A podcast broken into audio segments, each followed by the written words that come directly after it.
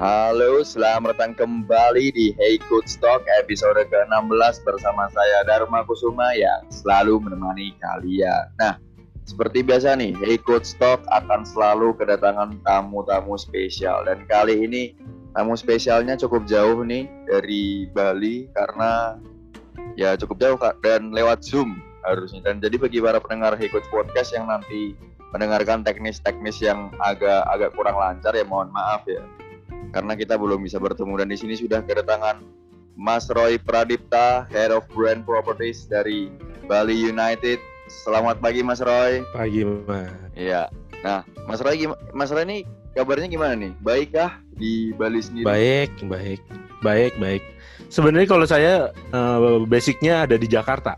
Oh, lagi di Jakarta. Jadi Bali United itu punya kantor di Jakarta. Iya. Oh, Bali United itu okay. ada kantor di Jakarta. Kalau buat dua yang belum tahu.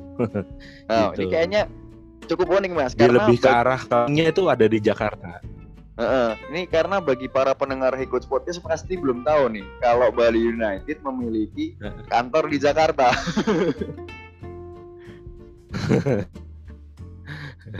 iya. Nah, iya kantornya itu ada di mana? Di Jalan Panjang. Gitu. Oh, Jalan Panjang. Iya. Uh, uh. Iya. Oh iya. Kalau yang di Bali itu bagian apa apanya sih Mas kalau di kantor Jakarta bagian apa di Bali di bagian apa? Kalau di Bali sendiri itu sebenarnya lebih ke timnya sama juga jadi kayak ngeliput kesehariannya itu kan udah pasti harus ada di Bali semua. Kalau di Jakarta lebih ke marketingnya gitu-gitu aja sih sebenarnya. Oke, jadi di Jakarta yang lebih ke marketing sedangkan kalau yang di Bali lebih ke ini ya Mas, lebih ke operasional untuk sepak bolanya. Nah, iya, benar. Iya. Nah, tapi kalau ngomongin soal kabar-kabar sekarang nih, pekerjaan di tengah pandemi sekarang untuk sekarang-sekarang ini apakah lagi tersendat atau lancar-lancar aja sih? Lancar-lancar aja nih, Mas. Kalau lagi pandemi ini sih lancar-lancar aja ya, Mas. Soalnya benar itu kan banyak sponsornya, sponsornya lebih ke tap in tap in digital digital kemarin kita bikin Bali United Virtual Virtual Cup yang tentang PS 2020 itu pertandingan. Jadinya kita bisa tap in sama sponsor-sponsor. Jadi kita selalu ada kegiatan sih kalau Bali United. Jadi pandemi atau enggak pandemi dampaknya nggak terlalu terasa. Tapi pandemi sih lebih kerasanya lebih ke arah pemain-pemain ya pasti ya. Kalau ya, tim marketingnya sih sebenarnya dulu sih gitu. Wah jadi ini pandemi kayaknya stabil-stabil aja nih Mas Roy. ya aman lah lumayan. iya. Jadi lancar-lancar tapi malah tambah hektik dong nih Mas waktu pandemi atau ya sesuai normal lebih aja. hektik. Iya lebih hektik. Lebih hektik. Iya lebih hektik justru karena uh. karena sponsor kan gimana caranya biar kita nyenengin sponsor ya di kita harus buatin activity-activity kan. Sedangkan activity di luar kan kita udah nggak mungkin bisa. Jadi ya activity online jadi butuh. Kita juga ada e-sport kan jadi bikinin e-sport kayak gitu-gitu aja sih mas sebenarnya jadinya. Ya lebih banyak lah. Oke, jadi kayaknya bolanya berhenti ini bebannya yang lebih banyak malah di Mas Roy ya nih kayak. iya, marketing marketing lah. iya, iya. Nah, ini kalau ngomongin soal sepak bola nih mas, kita kan dari tadi ngobrolin soal sepak bola. Nah, untuk Mas Roy sendiri nih, sebenarnya Mas Roy sendiri apakah suka sama sepak bola atau enggak? Dan pengalaman emosional dengan sepak bola ini seperti apa sih mas? Oh kalau saya sih emang suka sepak bola ya. Justru hmm. awal pertama kali saya nonton bola itu tahun 95. Saya ingat banget pertandingannya Roma sama Fiorentina. Tapi seiring jalannya waktu malah justru saya nontonin Liga Inggris Liga Inggris yang zaman dulu waktu sering menang kan MU ya yeah. udah saya jadi ikutin MU deh sampai sekarang. Gitu. Jadi emang terus kalau sepak bola lokal saya sukanya Persija. Saya ikutin dulu sebenarnya dulu Persija. Uh, tapi habis itu saya di Bali ya udah Bali saya berubah lah. Kembali United. Oke kita kita mau intermezzo sedikit nih mas. MU uh. nih gimana nih komentarnya sekarang sekarang ini yang udah mulai menurun nih Ya, tapi saya masih yakin juara sih. Sama semalam aja masih seri. Iya. ya semalam masih seri lawan Manchester City kosong-kosong ya. Iya, betul. tapi saya lihat juga Mas Roy ini sering juga nih ngepost ngepost gambar-gambarnya MU Bruno Fernandes, Wayne Rooney. Itu ya Mas ya? Iya, iya benar. Karena saya basicnya sebenarnya graphic designer Mas. Oke. Okay. Gitu. Uh, jadinya graphic designer, jadinya ya karena ya di Bali United ini brand properties ya jadinya masih nyambung gitu. Iya benar-benar. Nah, kalau ngomongin soal MU nih, pertandingan pertamanya waktu nonton MU ini apa nih mas? Apakah masih ingat dulu? Kayaknya waktu itu masih ingatnya tahunnya enggak waktu yang lagi Beckham tendang setengah lapangan. Oh iya. Saya iya. baru ingatnya kayaknya seperti itu. Ingat-ingat lupa. Kantona udah nggak main tapi yang jelas. Jadi dia udah udah waktu itu ngikutin Beckham Beckham terus Beckham Beckham Beckham. Malah kan kalau orang namanya suka bola cintanya sama pemain lama-lama ke klub kan. Jadinya yeah. Beckham keluar ya udah nggak apa-apa. Gantinya Ronaldo ya ikutin terus Ronaldo. Sampai sekarang akhirnya jadinya ya MU aja terus. Iya. Jadi pemain favorit sepanjang masa Manchester United sendiri David Beckham dong mas.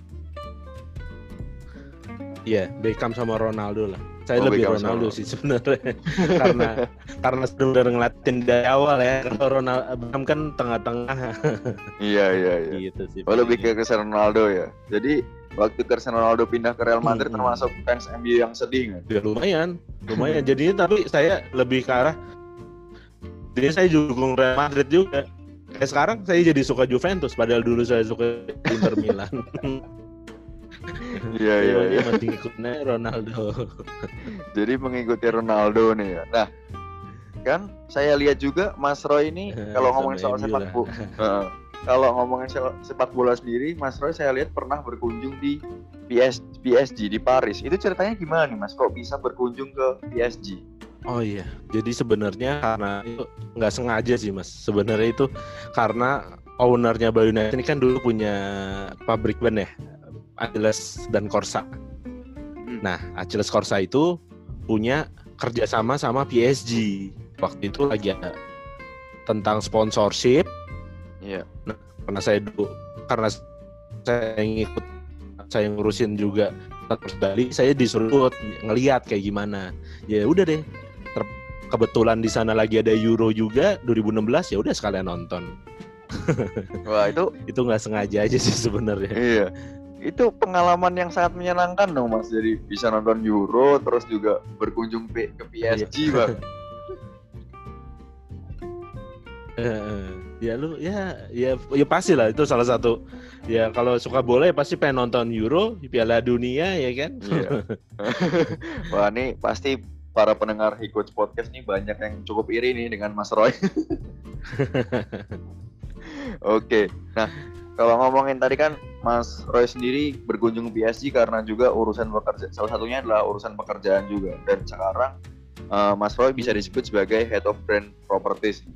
Itu bisa diceritain nggak Mas? Awal mulanya kok bisa menjadi head of brand properties? Padahal yang saya lihat dulu Mas Roy ini sempat bekerja di Cosmopolitan. Apakah benar itu Mas? Benar. Benar itu uh, karena emang sebenarnya passion saya udah di bola ya dari awal ya. Jadi waktu itu saya kerja di Cosmopolitan baru lulus ya udah deh cari perusahaan yang walaupun cewek gitu tapi ya udahlah yeah. kan media banyak banyak media-media lainnya juga jadi ya udah saya ikut aja dari sana saya kerja hampir empat tahun ya terus yeah. habis itu udah mulai bosan nah kebetulan ada teman saya yang udah kerja di Bali United duluan yeah.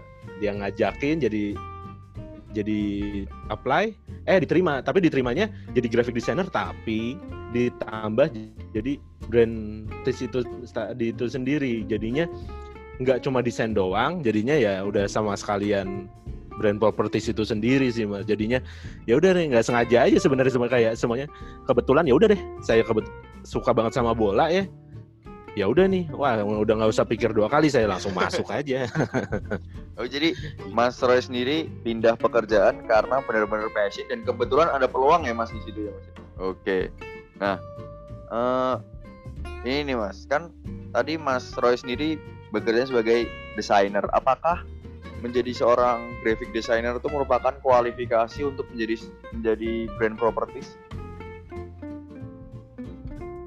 Kalau menurut saya bisa saya bisa nggak juga. Tapi lebih ke arah harus ya. Karena gimana pun karena emang udah jadi desainer grafis jadinya.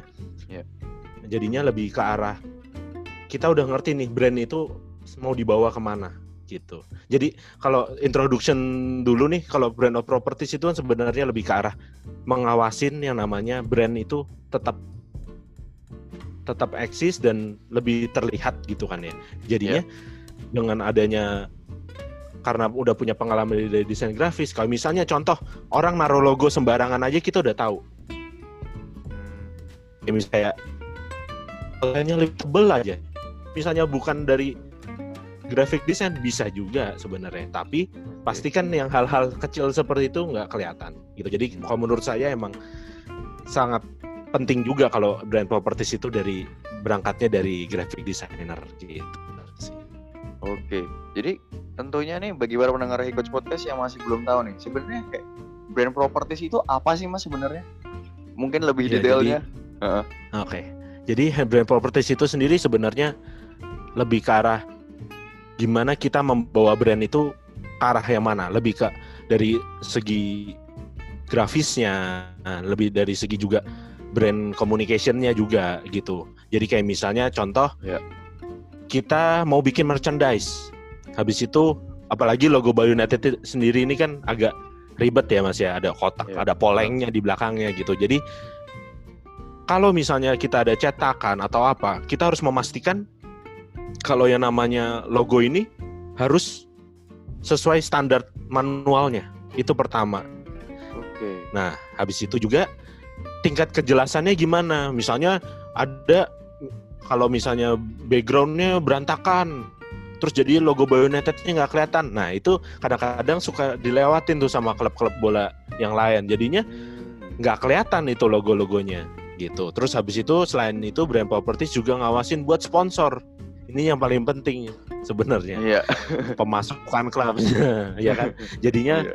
semua logo di sponsor itu kita harus awasin jangan sampai nggak kelihatan atau atau jadinya sponsor itu malah tenggelam apa enggak misalnya contoh ada sponsor kan ada platinum gold jangan iya, sampai bener. yang platinum hmm. malah lebih kecil daripada yang silver gitu sih sebenarnya iya. nah kalau misalnya sering lebih yang paling sering saya lihat ini mungkin kenapa brand properties itu juga harus ada karena logo dari sponsor itu hmm. kadang-kadang suka naruh sembarangan klub-klub oh, ya Iya kan jadinya misalnya backgroundnya udah biru Terus logo sponsor merah, wah itu udah nggak kelihatan pasti. Tabrakan pasti. Iya. Tabrakan pasti. Itu paling sering saya lihat itu. Oh iya. ini berarti mungkin emang ada brand propertiesnya gitu sih. Wah, jadi jadi kan kalau ngomongin soal itu tuh warna terus desain, sebenarnya di cafe itu yang paling cocok dong, Mas. Kalau tadi sesuai dengan penjelasan Mas Roy.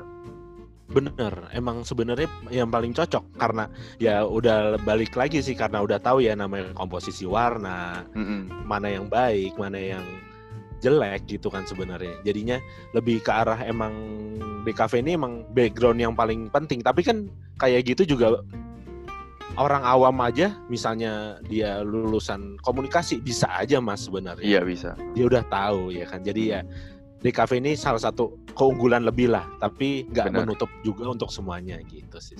Iya. Jadi tapi Mas Roy sendiri kan juga kuliahnya di kafe nih. Iya jadi pasti lebih ini lebih unggul nih kayaknya kalau soal branding. Dan kalau bisa dibilang brand properties ini juga bisa disebut dengan branding juga ya mas. Apa klub betul. branding ya, ya kan? Betul betul. Nah, iya. menurut Mas Roy nih, ciri-ciri branding yang baik itu seperti apa sih sebenarnya? Sebenarnya kok ciri-ciri branding baik itu susah juga karena hmm.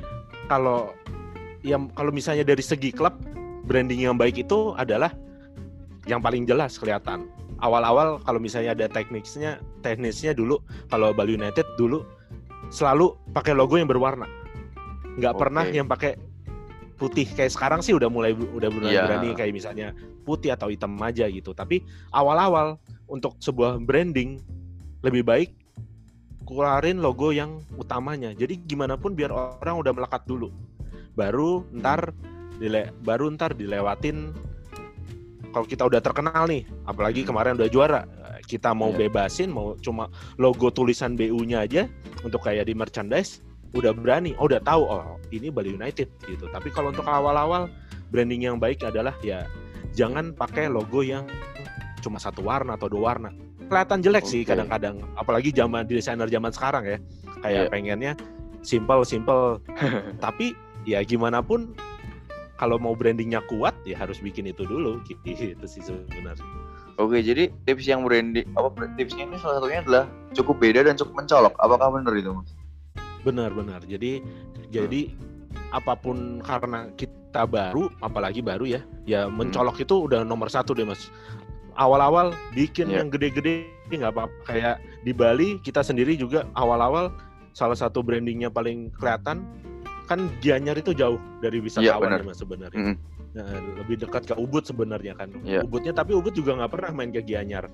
Jadinya kita lebih ke arah tapi base camp kita kan sebenarnya ada di Seminyak. Mm. Daerah Seminyak. Nah, dari sana yeah. kita bikin mobil apa branding di mobil. Nah, okay. di branding di mobil itu awal-awal logo Bali United-nya gede-gede banget aja. Jadi orang udah tahu ini Bali United apa.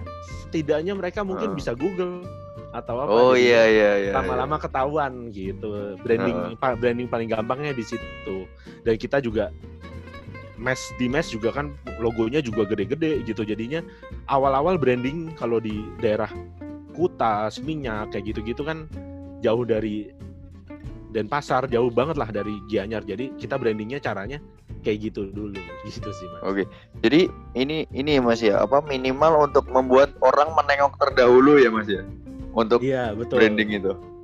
Betul. Jadi nengok dulu nih, yang penting nengok dulu. Tapi kalau ini Mas pengalaman pribadi, setelah sekarang nih kan Bali United pasti udah terkenal nih. Terus Mas Roy melihat desain yang dulu nih, waduh ini kayaknya norak banget. Itu apakah pernah tuh Mas kayak gitu atau enggak? Oh, iya, sering pasti. pasti, pasti merasa norak banget. Waduh, kok gede banget ya dulu bikin kayak gini. Iya.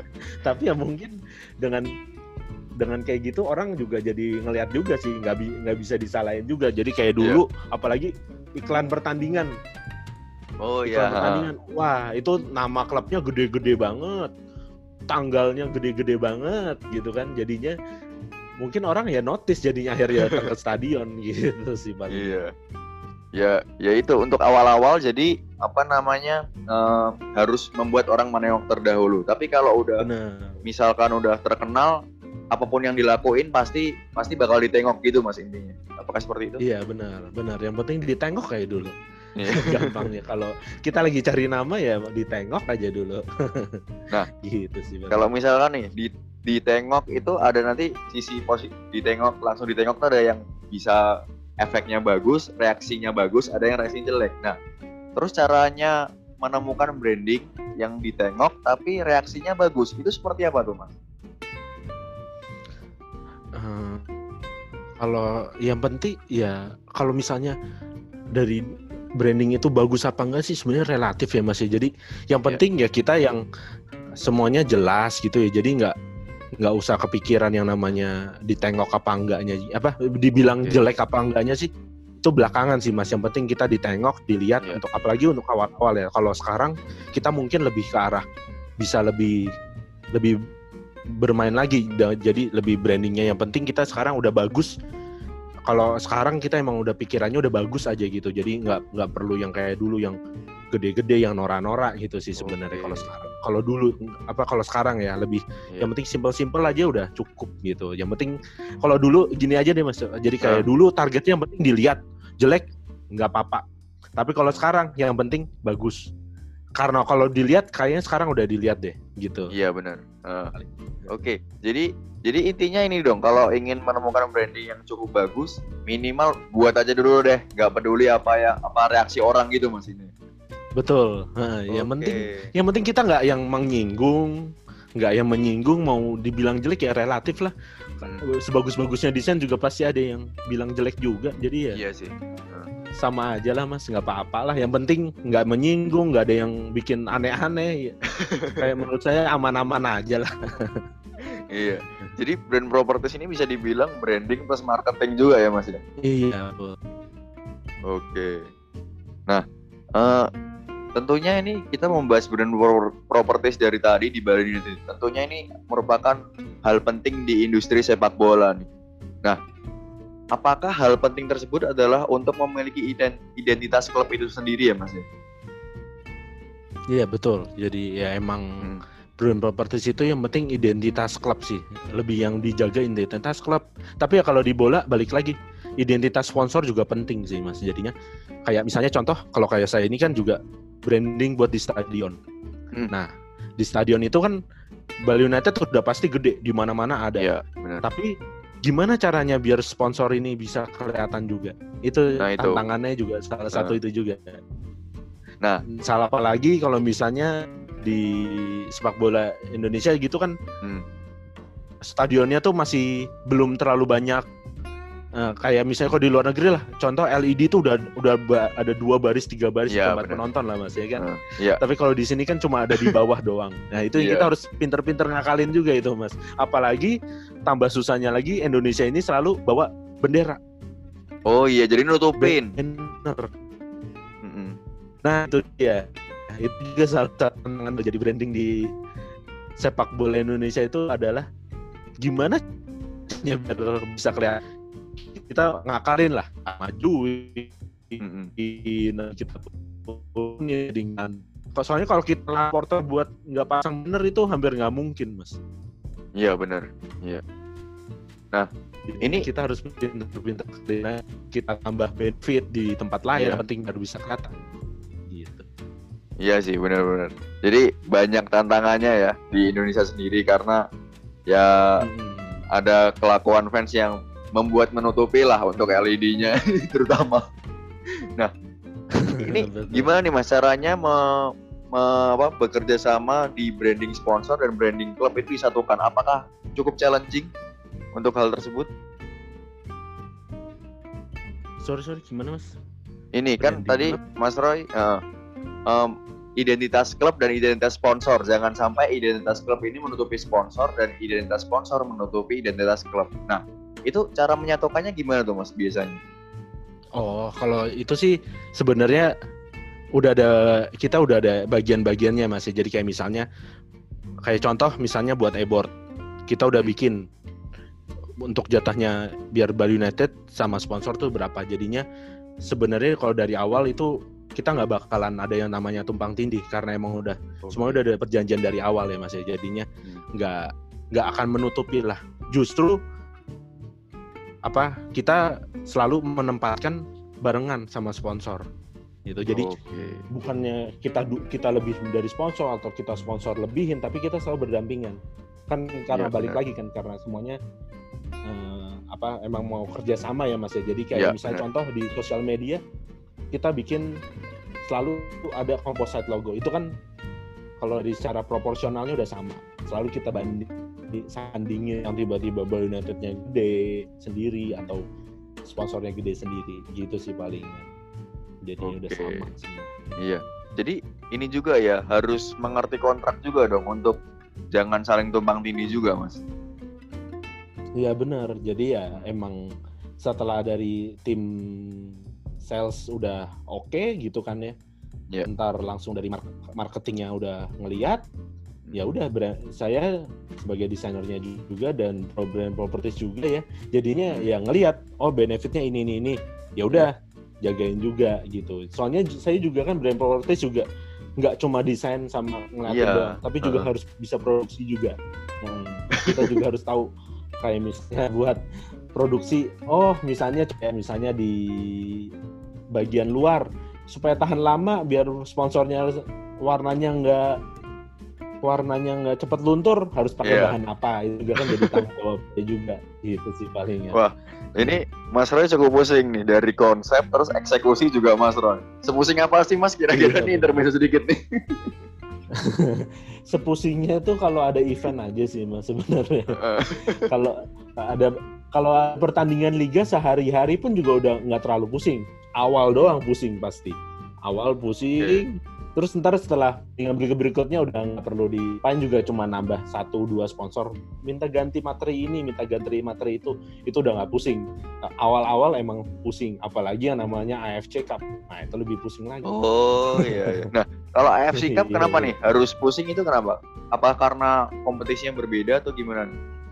Nah, jadi kalau AFC Cup saya sedikit cerita nih. Jadi kalau hmm. AFC Cup ini kan sebenarnya semuanya ada kontraktornya.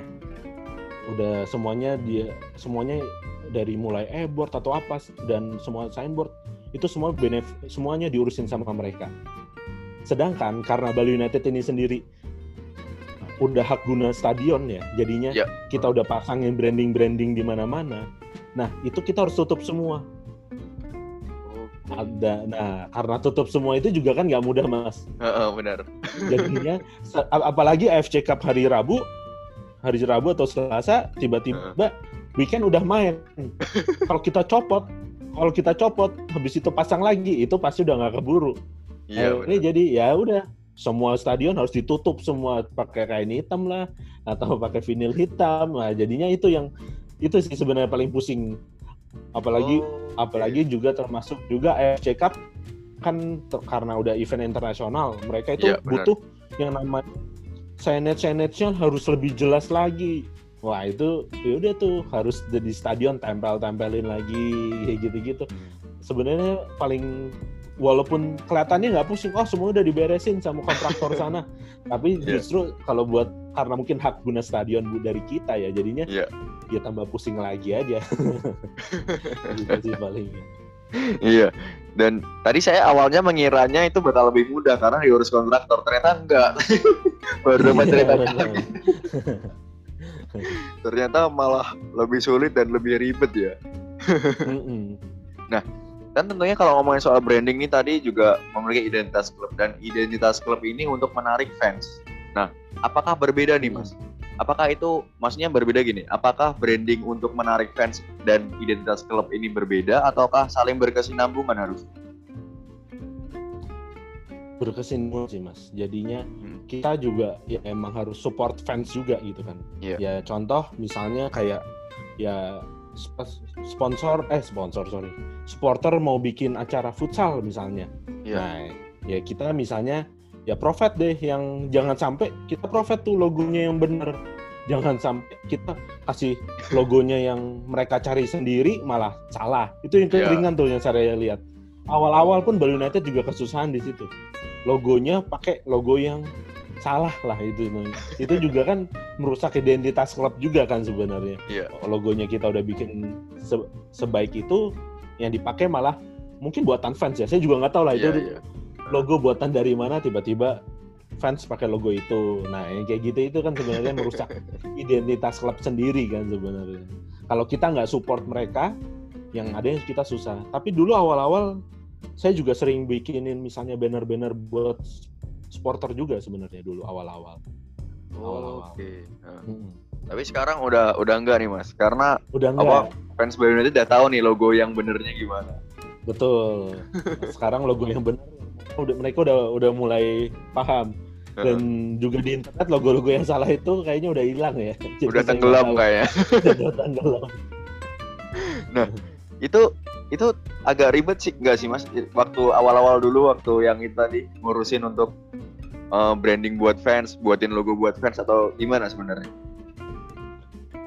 oh ya ribet juga mas jadi ya karena balik lagi ya mereka udah cetak terus habis itu kita lihat wah salah gitu kan hmm. ya kita harus kadang-kadang juga ya udahlah kita harus ngeprintin stiker kita tempel stikernya di bannernya okay. jadi ya emang lumayan ribet juga ya masih ya, awal-awal ya hmm. kayak ya emang harus kerja dua tiga kali lipat lah untuk biar bisa branding dari Bali United ini juga tetap kejaga yeah. ya soalnya ya balik lagi lah emang orang suka sembarangan ya itu pun juga sebenarnya kalau dari saya sendiri brand Bali United ini juga ya susah juga ya dijaga ya karena gimana hmm. apa diawasin satu-satu ya susah juga karena iya, gimana yeah, pun ya misalnya postingan postingan di sosial media mau kita benerin ya susah juga kan mau hmm. gimana caranya ngasih tahunya satu-satu.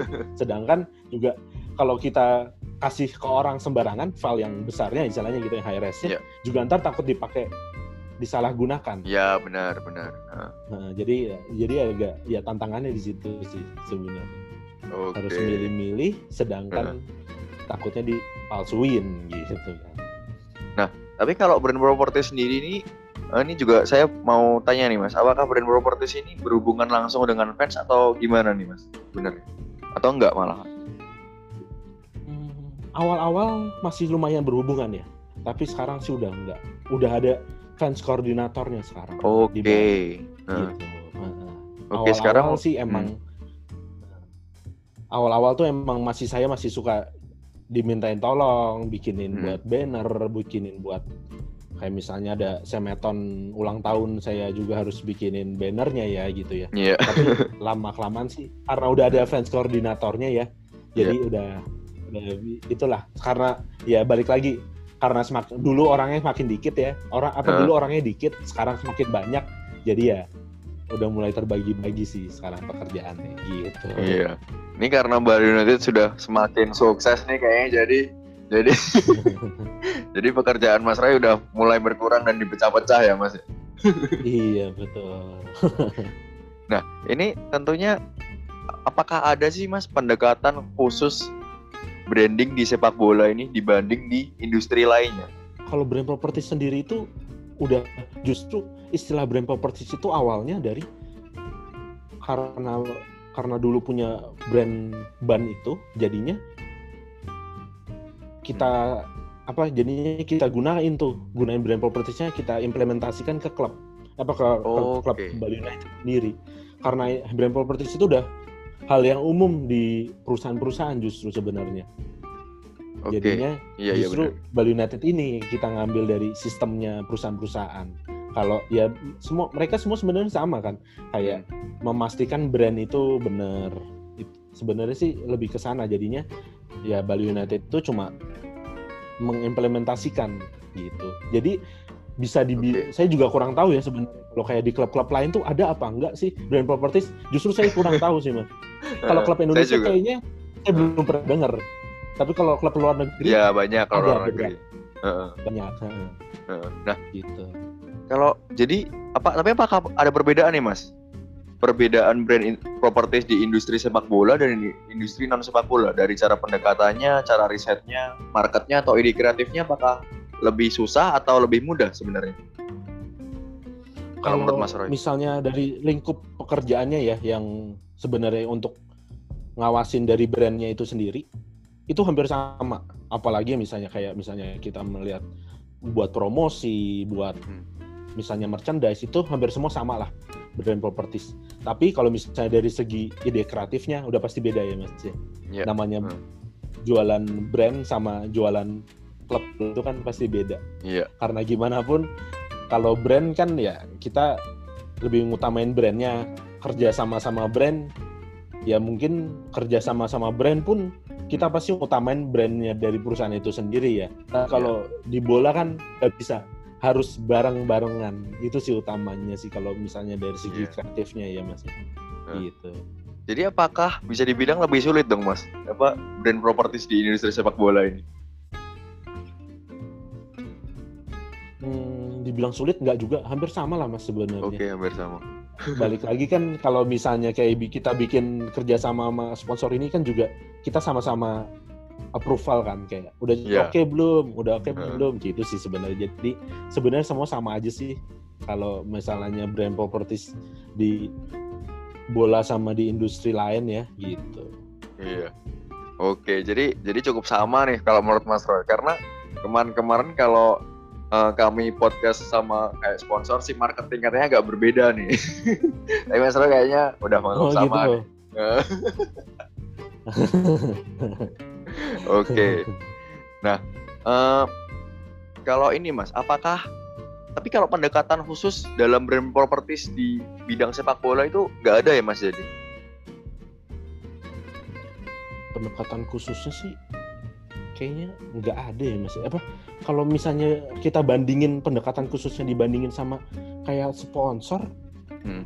kayaknya nggak ada ya mas jadi lebih ke mana ya kayak habis kalau yang saya pelajarin ya kayak brand hmm, properti hmm. sini yang saya pelajarin dari brand juga ya yeah. sebenarnya semuanya sama ya kayak misalnya sama-sama untuk ngawasin dari brand itu sendiri ya mas ya jadi kayak kayak bolanya pendekatan khususnya kayaknya nggak ada ya mas kayak palingan lebih ke arah karena kita ini klub bola mungkin jadi lebih pendekatannya nggak terlalu ini kali ya apa nggak terlalu Oke. misalnya kayak Hmm. eh, terlalu apa namanya eh, istilahnya apa ya kayak misalnya saklek lah istilahnya gitu oh, kayak ya, harus terlalu oh, harus kayak gini saya nggak mau tahu gitu Hmm. saya nggak mau kayak gini kan kalau misalnya brand-brand bisa bisa ngomong nih kayak kayak kita misalnya logo apa contoh Indofood lah ya misal Iya. Indofood harus belakangnya biru gitu kan ya kalau misalnya warna-warna lain ada berapa berapa warna gitu ya contoh Hmm. tapi kalau di Bali United ini sendiri sponsornya banyak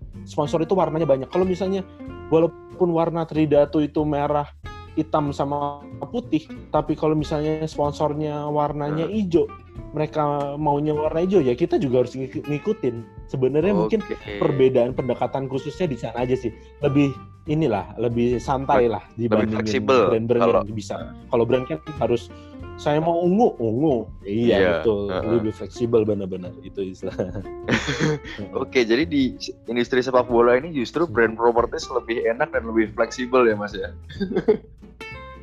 iya betul karena kita ngikutin mas Iya. jadinya nggak bisa kita punya kalau misalnya kita bikin promosi sendiri nah ya bisa kita bisa menggunakan warna guideline dari kita pokoknya kita caklek harus warna itu tapi kalau udah kita udah hubungannya sama sponsor gitu nah Iya. itu yang kita udah nggak bisa saklek saklek lagi lah gitu. Oke. Tapi apakah pernah ada cerita nih Mas? Dulu sponsor mungkin saya pengennya warna hijau nggak ada warna lain gitu. Apakah pernah Mas? Kayak menemui kengototan seperti itu? Eh, kalau ngotot sih nggak pernah ya, tapi dulu pernah ada salah satu online marketplace. Hmm. Habis itu kita udah udah lumayan tahap pendekatan. Tiba-tiba dia nanya, boleh nggak, boleh nggak nih kalau misalnya warnanya seperti warna Kita. dari guideline-nya dia gitu Eh, kan. Maksudnya gimana? Iya, misalnya dia juga diubah warna ke sana juga. Wah, ya itu yang kita jadinya nggak nggak dapatnya di situ. Justru malah mereka nanya, klub yang warnanya ini apa aja ya? Bilang gitu. Waduh. malah justru nanya klub lain. malah ngasih saingan ya Mas ya? Iya, malah ngasih kesaingan. Iya ini cukup unik nih ternyata. Tapi sebenarnya eh, kalau di Indonesia sendiri nih Mas, industri brand properties ini apakah sudah semakin maju atau masih belum nih Mas? Kalau menurut Mas Roy? Kalau justru saya ngeliat sekarang tuh eh, apa namanya klub-klub bola di Indonesia ini udah maju ya. Mm-mm. Kita saya sih ngeliatnya cuma dari apa? Kita eh bukan cuma ya. Saya saya ngeliatnya eh, benchmarknya tuh dari sosial media aja. Oke. Sosial iya, media, benar. media klub-klub sekarang udah mulai bagus-bagus ya. Kayak misalnya contoh Borneo, Hmm. terus habis itu PSS, Persebaya, Persija, gitu kan udah semuanya udah per, Persib pun juga semuanya udah udah ngikutin zaman ya. Kalau zaman dulu kayak ya asal naruh gambar aja kan ya. Kayak yang penting ada logonya. Jadinya ya balik lagi karena mungkin balik lagi mungkin karena bukannya gimana gimana ya? tapi mungkin karena karena tuntutan zaman klub-klub di luar negeri juga udah mulai bagus-bagus gitu ya jadinya mungkin si klub-klub Indonesia ini udah mulai melek nih sama terutama sama desainer grafis nih kayaknya zaman Iya dulu desainer grafis nggak pernah terlalu dipikirin ya sekarang tuh kayak Iya. branding branding di stadion mereka juga udah mulai bagus-bagus kan Benar. jadinya udah ngikut udah ngikutin zaman lah mau mau kalau misalnya kita nggak ngikutin zaman juga ya semakin terpuruk aja gitu Oke. Iya kan? Iya sih. Jadi sekarang udah saya lihat juga perkembangan udah mulai maju. Terutama Bali United ini kayaknya yang memulai nih Mas. Kalau soal desainer grafis. Ya, saya juga lah Tapi kan waktu itu Mas Roy pernah yang ke PSG. Nah, waktu itu kira-kira dari, dari segi brand properties nih di sepak bola Eropa sendiri yang belum ada di Indonesia nih sebenarnya apa tuh Mas? kalau dari kalau yang kebanyakan ya yang kebanyakan ya tapi sebenarnya kita juga nggak bisa nyalain juga klub juga karena balik lagi stadion ini bukan hak gunanya bukan dikelola hak guna kelolanya sama klub itu sendiri kebanyakan kan stadion di Nyewa. Indonesia ini sewa sewa sewa jadinya ya kita nggak bisa ya jadinya kita juga nggak bisa ngikutin kayak di Eropa. Kalau di Eropa semuanya stadion udah hak milik, branding yeah. semuanya udah udah milik mereka. Ya itu sih sebenarnya. Kalau Bali United udah lebih bisa mirip hampir mirip lah kayak di PSG lah. Karena mereka ini juga sama-sama kita juga sama-sama bisa brandingin stadion, tapi yang lain-lain itu kan enggak. Gitu sih okay. sebenarnya. Oh, jadi sebenarnya kalau hmm. brandingin brandingin stadion tuh sebenarnya lebih ruginya itu lebih ke arah ke eh bukan rugi ya, lebih kurang menguntungkannya itu justru ke sponsor. Karena misalnya kita punya hak guna stadion, sponsor kita bisa pasang terus kan. Mm-hmm. Sedangkan kalau oh, mungkin orang cuma orang ada acara atau ada atau ada ada acara atau orang cuma main-main videoin gitu kan. Mm. Sponsor-sponsor udah uh, bisa ketangkep kan mas. Ya, Tapi kalau sedangkan stadion ini kalau misalnya nggak dikelola, ya kita nggak bisa dapetin. Itu sih sebenarnya. Oke, jadi kalau Bali United sendiri sih emang terinspirasi banget dari klub-klub luar. Jadinya yeah. kita ngambilin tuh kayak contoh ada stadium tour, terus habis itu ada kafe. Jadi kita bener-bener emang ngeliat banget dari sepak uh, klub-klub luar lah gitu hmm. istilahnya. Oke, jadi uh, Bali United ini udah ini ya uh, cukup mengimplementasikan apa industri brand properties di sepak bola Eropa sendiri ya Mas ya? Bener, iya. Oke, okay. saya juga jadi, baru. Uh, jadi gimana saya, gimana Mas? Saya juga baru dengar nih apa ada stadium tour itu. Di Bali itu sendiri ada stadium tour ya Mas? saya baru tahu nih. Ada, ada, ada. ada. Tapi tapi kalau sekarang udah nggak bisa ya Mas ya.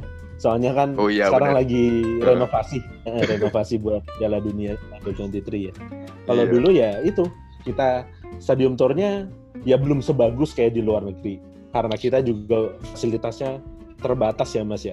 Iya benar. Kayak misalnya kalau di luar negeri kan kita bisa ngeliatin ada Hall of Fame-nya gitu. Kalau sedangkan hmm. kalau di kita sendiri juga susah juga membuat karena keterbatasan tempat juga ya mas ya.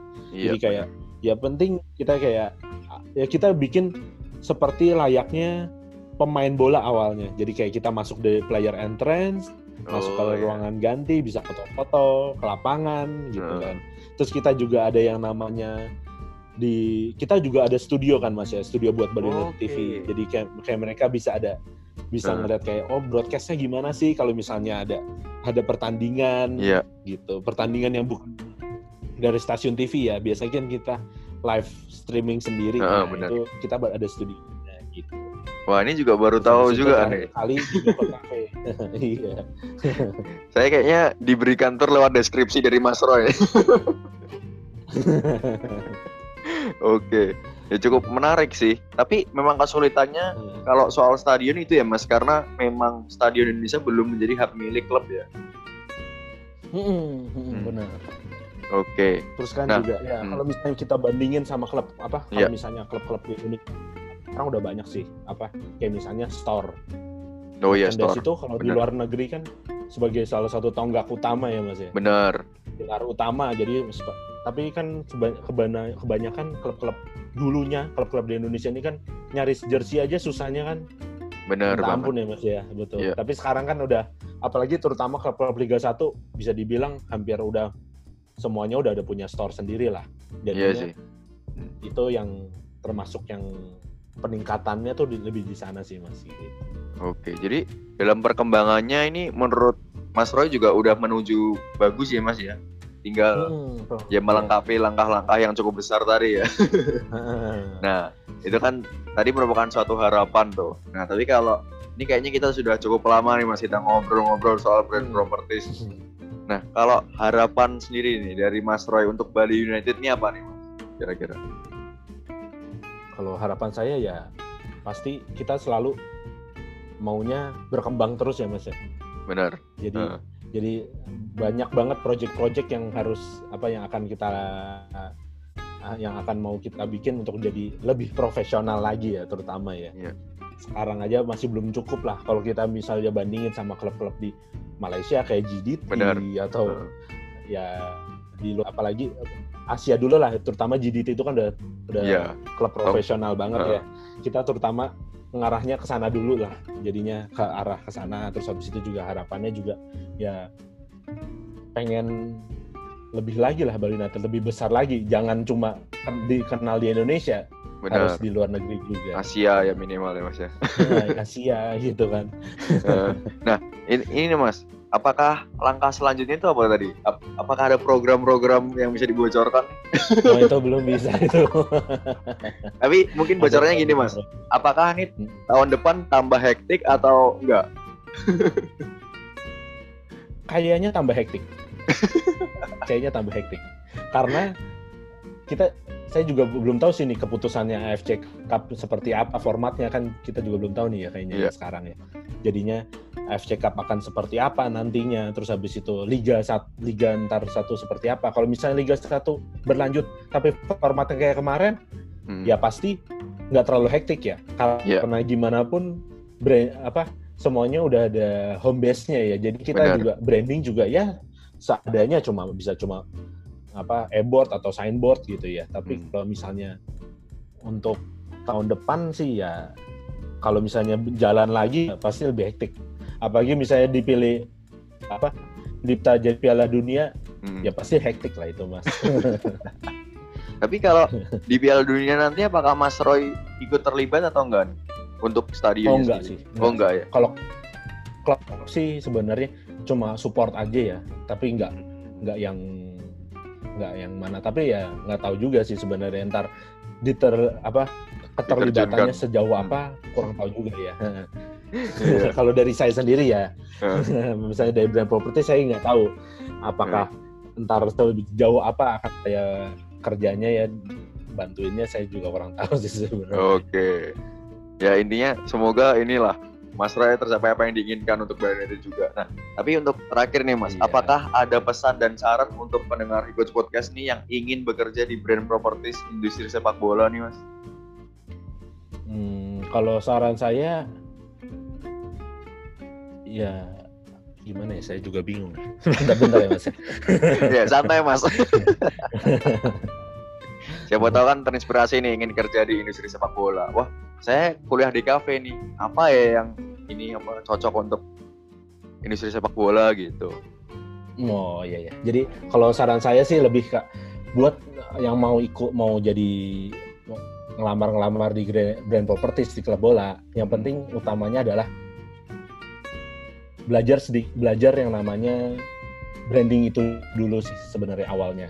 Mau okay. mau dari DKV atau dari komunikasi atau dari mana backgroundnya itu nggak ada masalah, nggak ada nggak ada halangan yang penting mau hmm. belajar terutama dari segi branding yeah. karena dan banyak-banyak riset juga dari klub-klub luar klub-klub dari Indonesia sendiri jadi gimana caranya buat branding buat klub itu bisa besar itu aja sih soalnya hmm.